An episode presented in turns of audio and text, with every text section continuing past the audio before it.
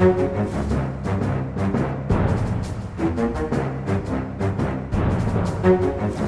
kjører vi på med en ny episode Aftenpodden USA. Kristina Pletten sitter i Oslo som vanlig og smiler fornøyd. Selv om det er sent på kvelden. Går det fint der? Her går det veldig bra. Vi er eh, i full sving her i Oslo med å komme i gang med høsten, jeg nær sagt. Skal snart tilbake på kontoret, forhåpentligvis. Oi. Eh, Vi har hatt valg, og det føles som om eh, liksom hverdagen og normaliteten siger tilbake igjen litt etter litt. Ja, og det er virkelig den følelsen vi har her nå. Nå har jo valgets tapere kommet på besøk til oss her borte. For nå er det FN-uke i New York.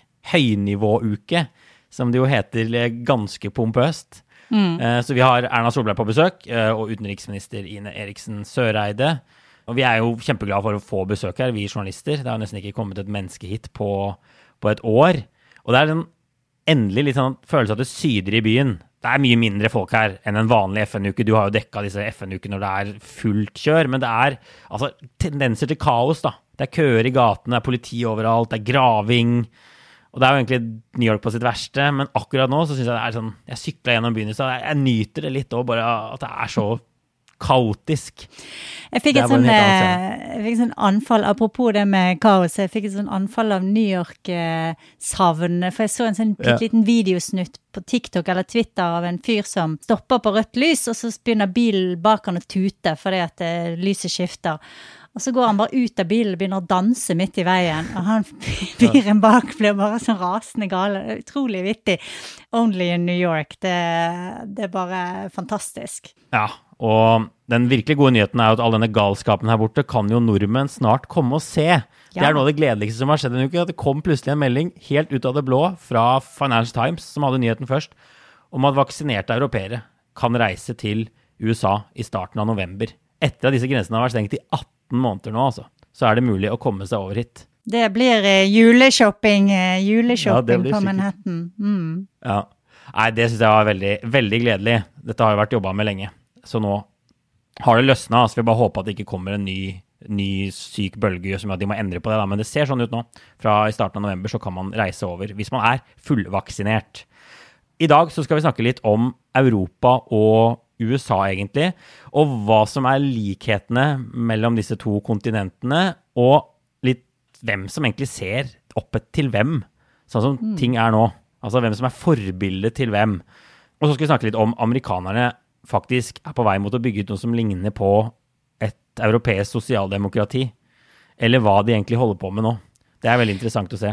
Ja, og dette er jo en diskusjon som du og jeg, Øystein, har hatt nå i ganske mange år. For vi har jo jobbet eh, Jeg i USA, du i Europa før du kom bort dit. Og eh, Ja. vært gjennom eh, mye dekning av kriser og, og liksom eh, folkelig opprør. Og, så vi har egentlig diskutert dette her ganske løpende. Sånn hva er, hva er best og verst med Europa og USA, og hvem har egentlig eh, the upper hand, da? Så Ja. jeg syns det er en, en ganske sånn spennende diskusjon. Den, den kan jo lett flyte litt ut i kantene, men det er, Ja, samtidig så er det utrolig mye interessante tråder. Så vi skal prøve å samle det så godt vi kan i, i en slags ja. rød, rødlig tråd, tror jeg.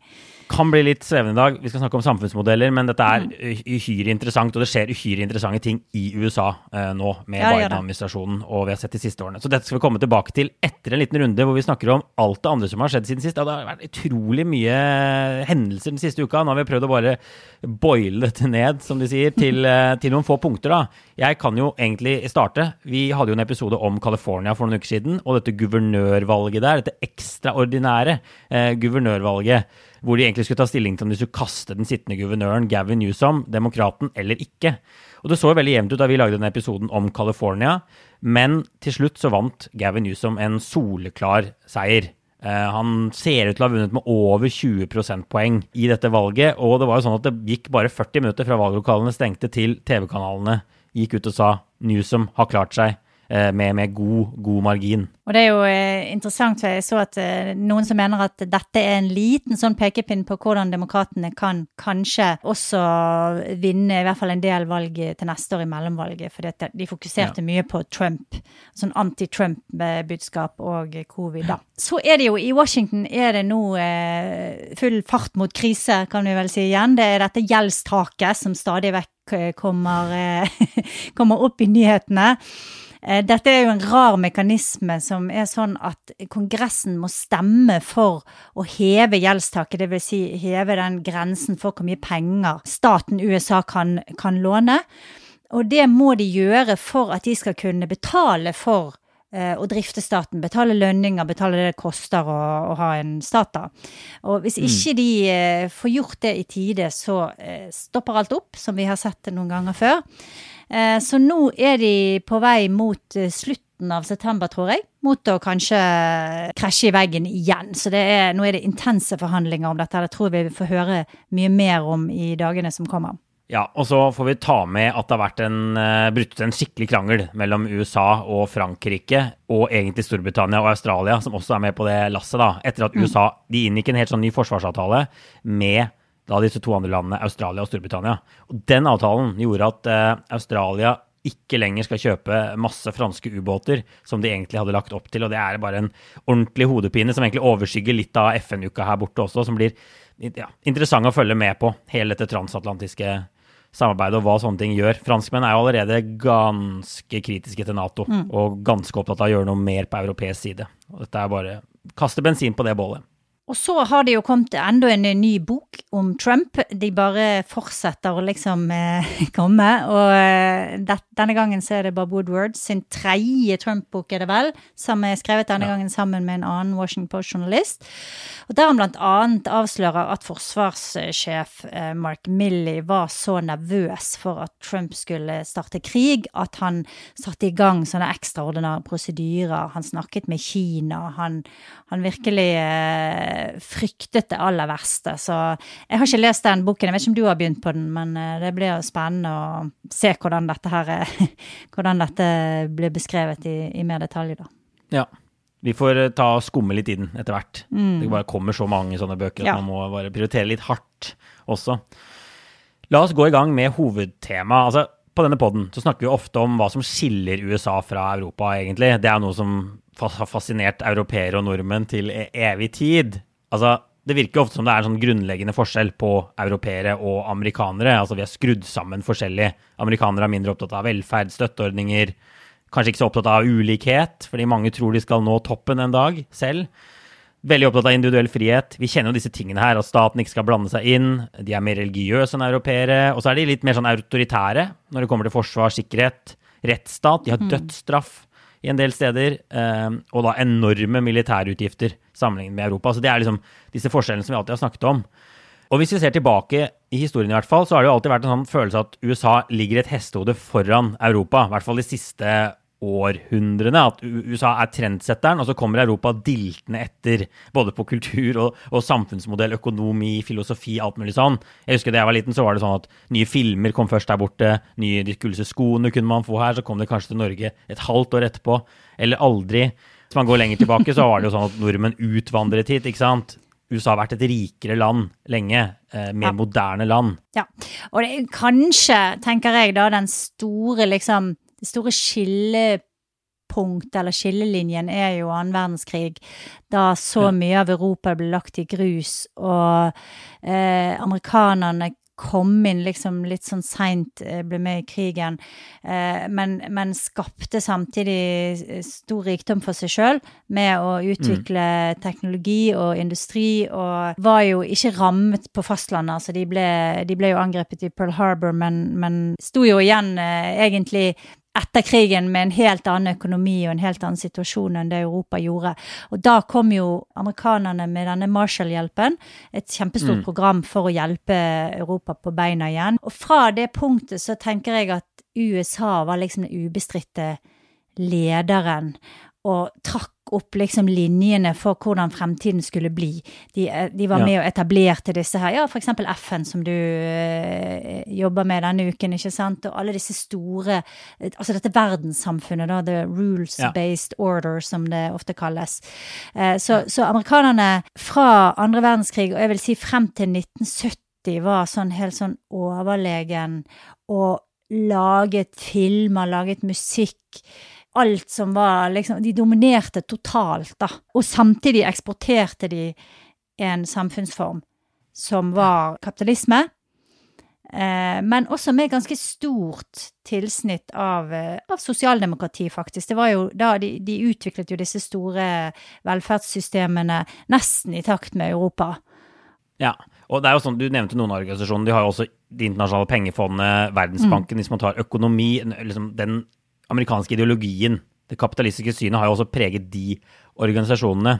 Og vi så jo også på 1980-tallet sånn liberalisering av en del eh, land, altså hvor man, eh, hvor man kuttet skatter og frigjorde markeder, TV-monopolet falt f.eks., altså sånne ting i en del land. Det er også ideer som kom fra amerikanske universiteter, og som ble tatt lengst da, i Storbritannia og USA, under Ronald Reagan da, i USA. Kraftige, kraftige skattekutt. Slanking av staten. Så, mm. så, de har sett dette mange ganger. og Det virker som USA ligger foran, og så kommer de andre diltende etter. Men i dag skal vi snakke litt om om det fortsatt er sånn og vi kan legge ut en, en, en lenke til en sånn Financial Times-kommentar fra litt tidligere i år, hvor det tas til orde for at det ikke er sånn lenger, og at det egentlig er blitt mer sånn at USA ser til Europa enn at Europa ser til eh, amerikanerne. Og at mm. egentlig så er det sånn at Europa har funnet eh, seg ganske godt til rette i samfunnsmodellen sin. De er ganske komfortable der de er. Mens det er USA man ser liksom snakk om å gjøre revolusjonerende store ting og store samfunnsomveldende endringer, og det er ofte da i retning av Europa. Så jeg tenker vi kan, vi kan snakke litt om ulike områder man ser det her på, men vi må begynne med, med velferdsstat, da, som jo er det som kjennetegner Europa. Altså Europa, bruker, Europa har høyere skatter enn USA, det er helt riktig, og staten spiller mye større rolle i økonomien. Vesentlig større rolle i økonomien. Hvis man ser på f.eks. hvor mye av eh, bruttonasjonalproduktet som går, tas inn i skatt til staten, så ligger jo de, noen europeiske land på sånn 45-46% Danmark og, og, Frankrike og sånn. USA ligger nede på 25% så liksom vesentlig mindre, mindre skatt. Ja. Det som kjennetegner den amerikanske velferdsstaten, etter min mening, eh, som gjør den litt sånn unik, kanskje, det er at den er veldig rettet mot de svakeste i samfunnet. Altså den er eh, det er store programmer for eh, de fattigste, for å gi de helse, for å gi altså de food stamps, for eksempel. Altså denne mat, eh, mattilskuddet som du får penger, eller før fikk du sånne små kuponger som du kunne hente ut som mat i butikken. Mm. Det er et kjempesvært program som masse støtter masse, masse, masse folk i, i, i de, av de fattigste samfunnslag.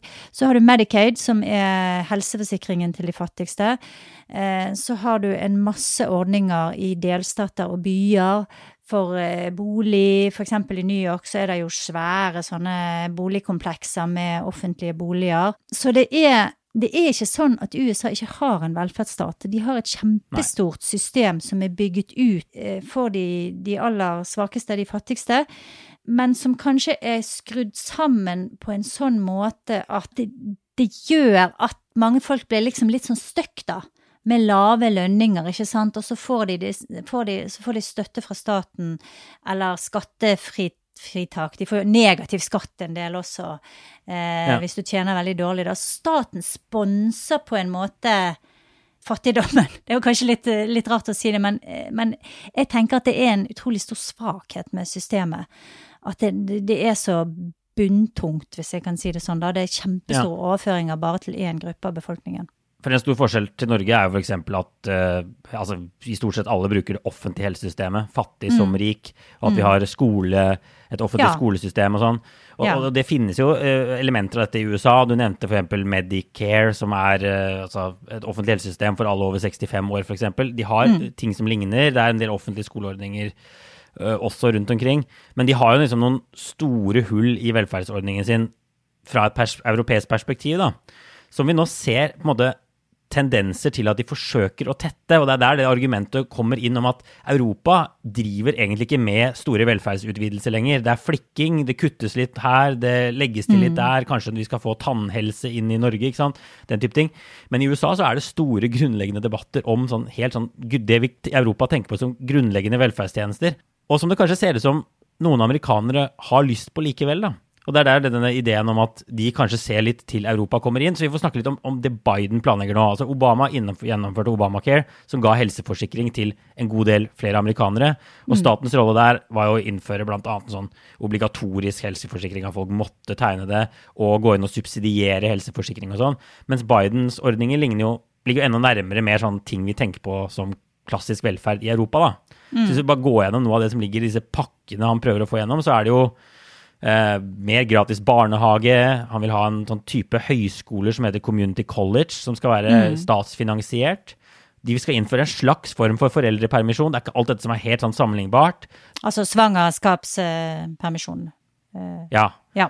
Og noe som ligner på, på sykepenger. Altså, det ligger masse sånne ting i den pakka som demokratene jobber med å få igjennom i, i Kongressen, som vil være et steg i retning av mm, mer velferdsstat i USA, da. Ja, men det, det- jeg synes at Jeg tenker at det er litt sånn avhengig av at ikke det er behovsprøvd alt.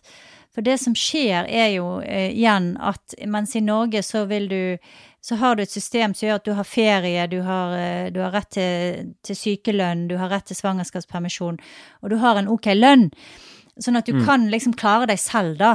Mens, mens hvis det amerikanske eh, velferdsstaten blir utvidet på en sånn måte at, at eh, de, de fattigste 20% skal, de skal jobbe, men de skal få på en måte eh, en drittlønn, og så skal de få eh, enda mer fra staten. Så, så, så fortsetter bare de skjevhetene, ikke sant? For da vil alle andre eh, som har bedre jobber, de vil, de vil få andre ordninger gjennom arbeidsgiver og gjennom det private. Så du får liksom sånn, et sånt A- og B-lag, da, som, er, som jeg tenker er, er, er liksom svakheten i det der velferdssystemet til USA. Men altså, tror du Europa, hvis vi tar bare liksom de store linjene her, tror du USA ønsker seg en europeisk velferd? Altså, tror du det er politisk gjennomførbart i USA? De er jo ganske langt unna å ha de ordningene vi har i Europa, men de, de debatten er jo, det er jo ganske sånn revolusjonerende debatter. altså Bernie Sanders, det han har gått til valg på og kommet ganske langt med, er jo å innføre noe som ligger mye nærmere det Europa har. Og vi har jo liksom tenkt at det er noe amerikanerne ikke vil ha. De har valgt en annen samfunnsmodell, men tror du det egentlig ikke er helt riktig, eller tror du de er i ferd med å revurdere noen av de tingene her? Altså, Hvor tror du de er på vei? Det er litt sånn vanskelig å si, fordi at eh, de programmene som blir lansert, og en del av de kommer jo fra ganske langt ut på venstresiden i Det demokratiske partiet, de er litt sånn urealistiske, tenker jeg. Eh, Medicare for all-pakken til Bernie Sanders, da. Jeg tror at det hadde vært mye mer nyttig for amerikanerne så se på arbeidslivet først. Eh, og, og noen snakker jo om det også. sant? Få, en, få på plass lønninger så folk kan leve av. Få på plass eh, ferie for alle. Få på plass rett til svangerskapspermisjon. Få på plass et rammeverk for det private næringslivet som gjør at de er nødt til å gi folk de rammene rundt arbeidslivet som gjør at du kan klare deg selv, da.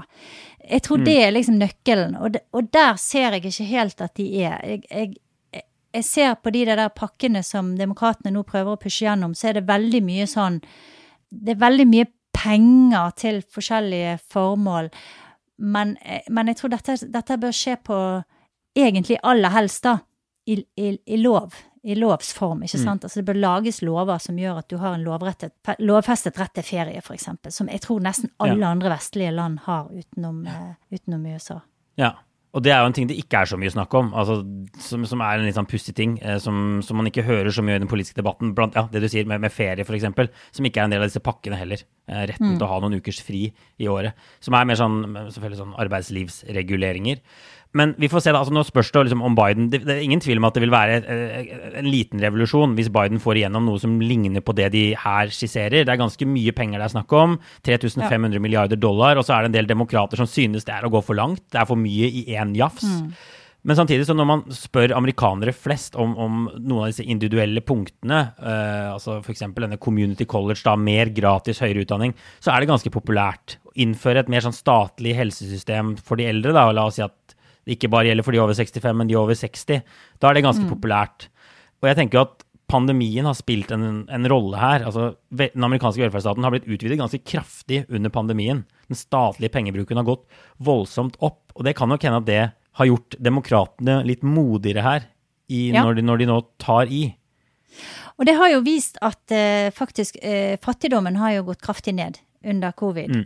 Eh, det, har, det, kom nye tall i forrige uke, tror jeg det var, som viser at eh, barnefattigdommen f.eks. har gått betraktelig ned. Lønningene har steget. Folk har vært ja. mer skeptiske til å ta sånne drittjobber der de får en lønn de ikke kan leve av. For, og, og, fordi at de har fått en del støtte fra staten, så har måte arbeidsgiverne blitt presset til å gi litt bedre vilkår, da. men det er jo likevel en litt sånn bakvendt måte å, å innføre en velferdsstat på, syns jeg, da. Eh, ja. så, så, det er liksom Det er noe med det der å bare pøse penger på problemer. Jeg tror ikke det alene eh, vil klare å løse de strukturelle problemene som det amerikanske eh, samfunnet har. Og jeg er litt sånn usikker på Jeg syns ikke jeg ser noen av de politikerne som i hvert fall er, jeg lytter til, eller som, eh, som er liksom i toppen nå, da, som presenterer noe helhetlig, gjennomførbar visjon for hvordan de kan gjenreise Eller gjenreise er feil, for de har jo aldri hatt en ordentlig velferdsstat, men hvordan de kan utvikle den amerikanske staten i retning mer i retning av den europeiske. da. Jeg, jeg, jeg, ser ingen som jeg tror på, som har en uh, realistisk uh, uh, plan for det. Nei, men jeg tror, jeg tror, pandemien har hjulpet demokratene litt. Det er vist at staten kan steppe inn og ha kapasitet til mm. å gjøre ganske mye. Og det har den amerikanske staten gjort. Vi har jo snakket om disse sjekkene de har sendt ut. Det er jo ganske sånn grove midler de har brukt, på en måte. Bare sende en sjekk til alle amerikanere. Det er ikke veldig sånn eh, det er ikke så mye finesse over det, men det har i hvert fall fungert da, til å løfte en del folk ut av fattigdom. Og de har økt f.eks. barnetrygden ganske kraftig, eh, og det har Biden forsøkt å videreføre. Og det håper han også da videreføre eh, enda mer da, i denne pakka som skal bli en mer sånn langsiktig pakke. For veldig mye av disse pandemitingene som har blitt gjort, som har kostet store store beløp, er sånn midlertidige ting. Det varer bare i et år. Så man kan si at de har hatt en voldsom ekspansjon av velferdsstaten, i hvert fall kontantoverføringsvelferdsstaten, dette året. Og så er spørsmålet hvor mye som eh, blir med videre, da. Eh, og hva de skal beholde av det. En ting som jeg tror eh, faktisk er, er, ganske viktig, er, er infrastruktur. Og der er det en veldig stor forskjell mellom Europa og USA. Altså Europa du kan si hva du vil, men Europa har investert masse, masse penger i offentlig infrastruktur de siste 20 årene, egentlig de siste 25 årene, og der har EU vært helt sentral. Og hvis du tar krisen i Europa, da, f.eks. i Hellas, så var en, del, en god del av denne gjelden som Hellas eh, hadde opparbeidet seg, kom fra f.eks. at de hadde bygd nye motorveier, ny flyplass, de bygd ut bredbånd. Eh, og det har skjedd liksom i land etter land i Europa. Portugal har løftet seg fra å være et nesten u-land til å bli en ganske moderne nasjon på 30-40 år. USA har ikke hatt i nærheten av den samme eh, viljen til å bruke penger på infrastruktur, på å løfte mm. samfunnet, mm. f.eks. med utbygging av bredbånd, da, som er så viktig, mm. ikke sant. Sånn at der har de utrolig mye å gå på. Så det, all, all gjelden, all, alle de økonomiske problemene som USA har hatt, f.eks. krisen de hadde i 2007, det var penger som eh, Det var privat rikdom, ikke sant? Det var private selskaper, det var privat eh, gjeld som måtte løses inn. Eh, mm. Ingenting av det kom liksom Eller i hvert fall nesten ingenting. Da kom liksom eh, samfunnet i, i, det store og hele til gode. Og det tror ja. jeg eh, det, det, det, høres kanskje ut som en litt sånn ting som er på siden av velferdsstaten, men jeg tror det er kjempeviktig. Tenk på det at utrolig mange amerikanere har ikke tilgang til kollektivtransport, noe så enkelt som det. Mm. Eller tilgang til eh, et fortau der de kan gå til butikken, så de er nødt til å ha bil. Altså sånne ting som det der gjør, det tror jeg er liksom en, eh, en sånn stor svakhet som gjør at Europa stiller mye sterkere i mitt hode i en krisesituasjon, fordi at de har på plass så mye mer eh, i fellesskapet, da. Fellesskapet eier så mye mer sammen. Som, ja. eh, som gjør at, eh, at, du har en, eh, en, en, en stabilitet i bunn. Ja. Så det er, altså, det er, vel ikke noe tvil om at det er liksom et stykke igjen til den klassiske europeiske velferdsstaten, men at det i hvert fall velferdsordninger bygges ut. Det er i hvert fall det Biden holder på med. da. Mm. Eh, staten vil få en større rolle hvis Biden får gjennom prosjektet sitt. De tar noen steg sånn sett i europeisk retning. Og det som har vært interessant å se, er jo republikanerne, som jo egentlig er det partiet for så liten stat som mulig, for skattekutt og sånn. Eh, og det som skjedde under Trump der altså fordi altså det, Republikanerne går jo ikke til valg på å innføre nye, store velferdsordninger. Eh, snarere tvert imot. Men de har gått litt vekk fra de der mest radikale ideene om å kutte de velferdsordningene, det har vist seg veldig vanskelig. Akkurat som vi ser i Europa, da, det er veldig vanskelig å fjerne velferdsordninger etter at de har kommet inn. Og det mm. viser jo at kanskje amerikanere har litt sånn europeer i seg i hjertet, da. At når disse, for eksempel Obamacare, veldig upopulært, ganske upopulært i hvert fall da det ble innført, men nå det klarte jo ikke republikanerne å kvitte seg med. De gjorde forsøk på det, og etter hvert har den ordningen blitt mer og mer populær, og den ser ut som den har kommet eh, for å bli. Og tidligere har jo også eh, republikanere vært for å, å slanke altså, pensjonssystemet, det offentlige pensjonssystemet, social security og sånn. Men det er sånne ting som Trump så ut til å frede som, som president. Også dette Medicare-systemet, altså helsehjelp, statlig helsehjelp for, for eldre. Eh, så, så, det er jo også en interessant trend. Det, det kan jo liksom tyde på at hvis demokratene først får igjennom en del av disse Biden-ordningene, så er det ikke så lett å rulle de tilbake igjen. Nei, det er helt sant.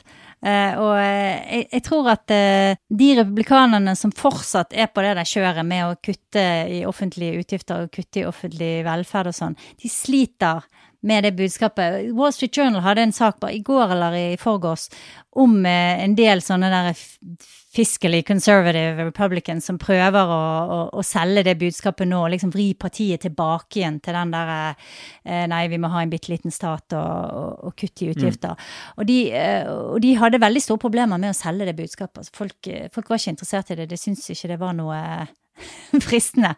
Og det er kanskje ikke så rart. Nei. Og vi har snakket om det tidligere. Trump gikk jo til valg på sånn europeisk, franskaktig sånn eh, Blande seg inn i industrien, drive en aktiv industripolitikk. Det har vi jo sett, ja, ja. det er jo noe europeerne har holdt på med. Og som har jo vært sånne ting som IMF og Verdensbanken har kritisert og sagt at å drive og velge vinnere på den måten med statlige penger er noe man ikke bør holde på med. Der har det også skjedd en, en endring. Så det er også et sted hvor man ser at USA kanskje tenker litt mer som Europa da, og kjøper noen av disse ideene, ideene vi har der. Og, og, på denne lista så kan vi også nevne at USA ikke er like religiøst som de var. Jeg tenker jeg vi skal lage en egen episode om, egentlig, men de er i ferd med å bli et mer sekulært land. Igjen, mm. de beveger seg mot Europa. Europa er ikke i ferd med å bli mer religiøst som USA. Det er USA som går i den, i den retningen. Og vi ser f.eks. dødsstraff, som jo har blitt fjerna i de aller, aller fleste europeiske land, er i ferd med å gå av moten i USA også. Eh, ja. Det er færre og færre folk som, eh, som ender opp i, i en strømstol, eller som, som blir tatt livet av, da, mm. Og så er jo det Det store spørsmålet, tenker jeg, er jo kan USA kan de på en måte få det beste av begge verdener? Kan de beholde mm. de tingene som de faktisk gjør bedre? F.eks. å investere i nye bedrifter, innovasjon. Altså Der knuser jo de i Europa virkelig ja. eh, fortsatt. Kan de, kan de, beholde den der eh, eh, entreprenørånden og, eh, og, den investeringsviljen, og samtidig bygge opp en, en velferdsstat som fungerer, da. Det må jo ja. være den hellige gral, men, eh, men om, om, de klarer det, det, det, er jeg veldig usikker på. Eh, og som sagt, ja. jeg har i hvert fall ikke sett noen, i hvert fall ikke Biden, som har, som har liksom laget en blueprint som jeg syns er overbevisende. Nei. Nei, det er jo et stort spørsmål om USA vil miste noe på veien. Uh, mm. Man kan jo si, og egentlig om verden vil miste noe på veien hvis Europa tar disse stegene da, mot å bli mye mer europeisk gjennomsyret uh, samfunn. På en del områder så har Europa vært litt sånn gratispassasjer på USA også. Det kan godt hende at USA får noe ut av disse, denne lille staten sin i hvert fall til en viss grad sånn når det kommer til innovasjon og muligheten til å starte bedrift og sånn. Forsvar er et annet eksempel. USA bruker jo mye mer penger på forsvar enn Europa. Det er et skikkelig tydelig, tydelig skille. Og Der er det ingen tvil om at Europa har vært gratispassasjer. Det at USA tar ansvar for liksom, sikkerheten i, i, både USA og Europa, gjør at europeiske land kan bruke penger på flyplasser og jernbane og den type ting, da, mens USA tar liksom regninga for, for sikkerheten. Og det samme med de snakker om f.eks. medisiner, er mye dyrere i USA. Det gjør det kanskje mulig for legemiddelselskapene å forske mer, komme frem til nye medisiner. Så betaler amerikanerne dyre dommer, og så kjøper europeerne de kjempebillig etter de har blitt uh, oppfunnet. Så kan det hende at verden mister noe der, hvis, uh, hvis, USA går i mer europeisk retning. Ja, det kan godt hende. Eh, men så er det jo kanskje sånn at det er naturlig da, at det etter hvert kommer også andre aktører. ikke sant? Kineserne kommer, de begynner jo også eh, å bli mer eh, skarpere mm. på innovasjon. Eh, de har jo lenge vært bare sånn produksjonsnasjon. inderne begynner å, å, gjøre seg gjeldende på, på, på, en del felt, også med innovasjon og ikke bare produksjon. Så, så, det vil jo sikkert etter hvert være naturlig at USA også inntar en litt sånn mm. annen rolle da. Og kanskje også begynner å, å kreve litt, litt, mer rettferdighet, som, som, Trump på sin klumsete måte eh, gjorde med, med f.eks. Å, å forlange at Nato-landene skulle betale eh, de to prosentene som de hadde lovet at de skulle bruke i, i forsvarsutgifter. Mm. Men altså, når tror du endringen skjedde? Altså, Føler du i dag at det er sånn at europeere ser opp til USA fortsatt, og, og vil kjøpe den, den, amerikanske modellen? Eller tror du det har vært en endring der, og når tror du den endringen eventuelt kom? Jeg, altså, jeg tenker at det har vært en utrolig fascinasjon for USA i, i Norge, kanskje spesielt i Norge, og, og den tror jeg er der fortsatt. Men jeg tror det endret seg kanskje, i hvert fall for nordmenn, da, og mange andre europeere på 80-90-tallet. Da begynte jo velstanden å, å, å, å, gå raskere her hjemme. Og vi begynte vel å suse forbi amerikanerne på en god del parametere, ikke sant. Eh, og, og, du kan se på sånne kurver på alt fra helse til utdanning. Mm. Eh, så ser du det at amerikanerne var liksom i toppen helt frem til ja, 70-tallet, litt ut på 70-tallet. Og så begynner de å, å, å falle, og så, og så, kommer Europa og liksom suser forbi mm. på veldig mange mm. ting. Og det er klart at det etter hvert eh, eh har jo folk fått med seg. Eh, og, og, da blir det en litt sånn annen dynamikk i det, da. Og jeg, jeg husker at jeg, på 90-tallet, når jeg bodde i USA, så, så, var det fortsatt sånn at når jeg besøkte disse områdene med norsk-amerikanere, så hadde de en sånn idé om Norge som var sånn eh, at vi at vi trengte litt hjelp fra dem. At vi Eh, og, noen spurte meg sånn, skal du ta med sånn kaffe og kylling hjem, og eh, sånn, har foreldrene dine nok mat, og sånn. Altså det var helt sånn, sånn der holdning, da. Ja. Men nå, eh, eh, for et par år siden, så var jeg oppe i Iowa og Minnesota, og da var det liksom Da var det kommet en ny generasjon som beundret det moderne Skandinavia, og de hadde begynt å åpne moderne skandinaviske restauranter, og de eh, beundret liksom design og, og, alt det som har skjedd i, i, Skandinavia de siste 30 årene, da. Ja. Men det tok liksom nesten helt opp til for jeg vet ikke, fem-ti år siden, før, før det der norsk-amerikanske miljøet skjønte at Norge var en moderne nasjon, ikke sant. Så det har, det har liksom mm. Det har seget inn der også, men det har eh, det har tatt lang tid. Ja. Og jeg tror amerikanere flest kanskje ikke vil være enig i nå at nå har dette endret snudd, og Europa ser ikke lenger til USA, nå er det USA som ser til Europa. Det er jo litt snakk om Europa, og Danmark og Bernie Sanders snakker litt om det, men, men det er jo ikke sånn Biden selv inn disse velferdsordningene i det hele tatt, at nå skal vi ta steg mot europeisk sosialdemokrati. Det snakkes om dette på en helt annen måte. Men man ser jo f.eks. at unge amerikanere da, er mer åpne for sosialisme, sosialistiske mm. ideer, disse ordene som var rene fyord tidligere, har uh, fått en litt mer sånn positiv spinn. Uh, så, det, så det, jo, det, viser at det har vært endringer her, uh, og en mer åpenhet da, for europeisk modell. Jeg tror utrolig mange amerikanere vet, vet rett og slett ikke noe annet. Altså, de vet ikke om at uh, f.eks. Skandinavia har uh, så høy levestandard som de har, at folk har uh, raskere bredbånd, at, at, folk har uh, tilgang til alle ja. ja. lever lenger, til, har bedre helse, alle de tingene der. Min, min, erfaring er at det er fryktelig mange amerikanere som ikke De har ikke det perspektivet i det hele tatt. Ja. Nei. Det er i hvert fall ingen bølge av nesegrusbeundring for Europa å spotte i USA foreløpig. Men det er jo interessant. Vi, vi, dette er noe vi skal følge Bidens redningspakke, hvor dette, dette samfunnet er på vei. Men det har vært noe, vi har forsøkt i hvert fall denne podden i dag å snakke om litt sånn interessante trender, de store linjene i, i, det amerikanske mm. samfunnet. Jeg tror vi skal sette strek der. Vi får bare slå fast at USA fortsatt er et særegent land med mye, mye rart som, er, som, vi kan fortsette å la oss fascinere av. Våpenlov, abortlov, libertarianere, de er stormakt. Det er mange ting som Europa ikke har fortsatt, så, så de er på, måte, på ingen måte like. Men eh, de går kanskje litt i samme retning, eh, og det er jo spennende. As a person with a very deep voice, I'm hired all the time for advertising campaigns. But a deep voice doesn't sell B2B, and advertising on the wrong platform doesn't sell B2B either. That's why, if you're a B2B marketer, you should use LinkedIn ads. LinkedIn has the targeting capabilities to help you reach the world's largest professional audience. That's right, over 70 million decision makers all in one place. All the big wigs, then medium wigs, also small wigs who are on the path to becoming big wigs. Okay, that's enough about wigs. LinkedIn ads allows you to focus on getting your B2B message to the right people. So, does that mean you should use ads on LinkedIn instead of hiring me, the man with the deepest voice in the world? Yes. Yes, it does. Get started today and see why LinkedIn is the place to be to be. We'll even give you a $100 credit on your next campaign. Go to linkedin.com slash results to claim your credit. That's linkedin.com slash results. Terms and conditions apply. Life is made up of many gorgeous moments. Cherish them all, big and small, with Blue Nile. Whether it's for yourself or a loved one, Blue Nile's unrivaled selection of expertly crafted fine jewelry and statement pieces help make all your moments sparkle. Blue Nile's experts are on hand to guide you, and their diamond guarantee ensures you get the highest quality at the best price. Celebrate a life well lived in the most radiant way and save up to 30% at BlueNile.com. That's BlueNile.com. Hva har du tenkt på på obligatorisk refleksjon? Dette har egentlig vært en evig lang obligatorisk refleksjon, kanskje denne podden, men vi kan eh, ta litt sånn lett, Ja, lett ja, refleksjon til slutt.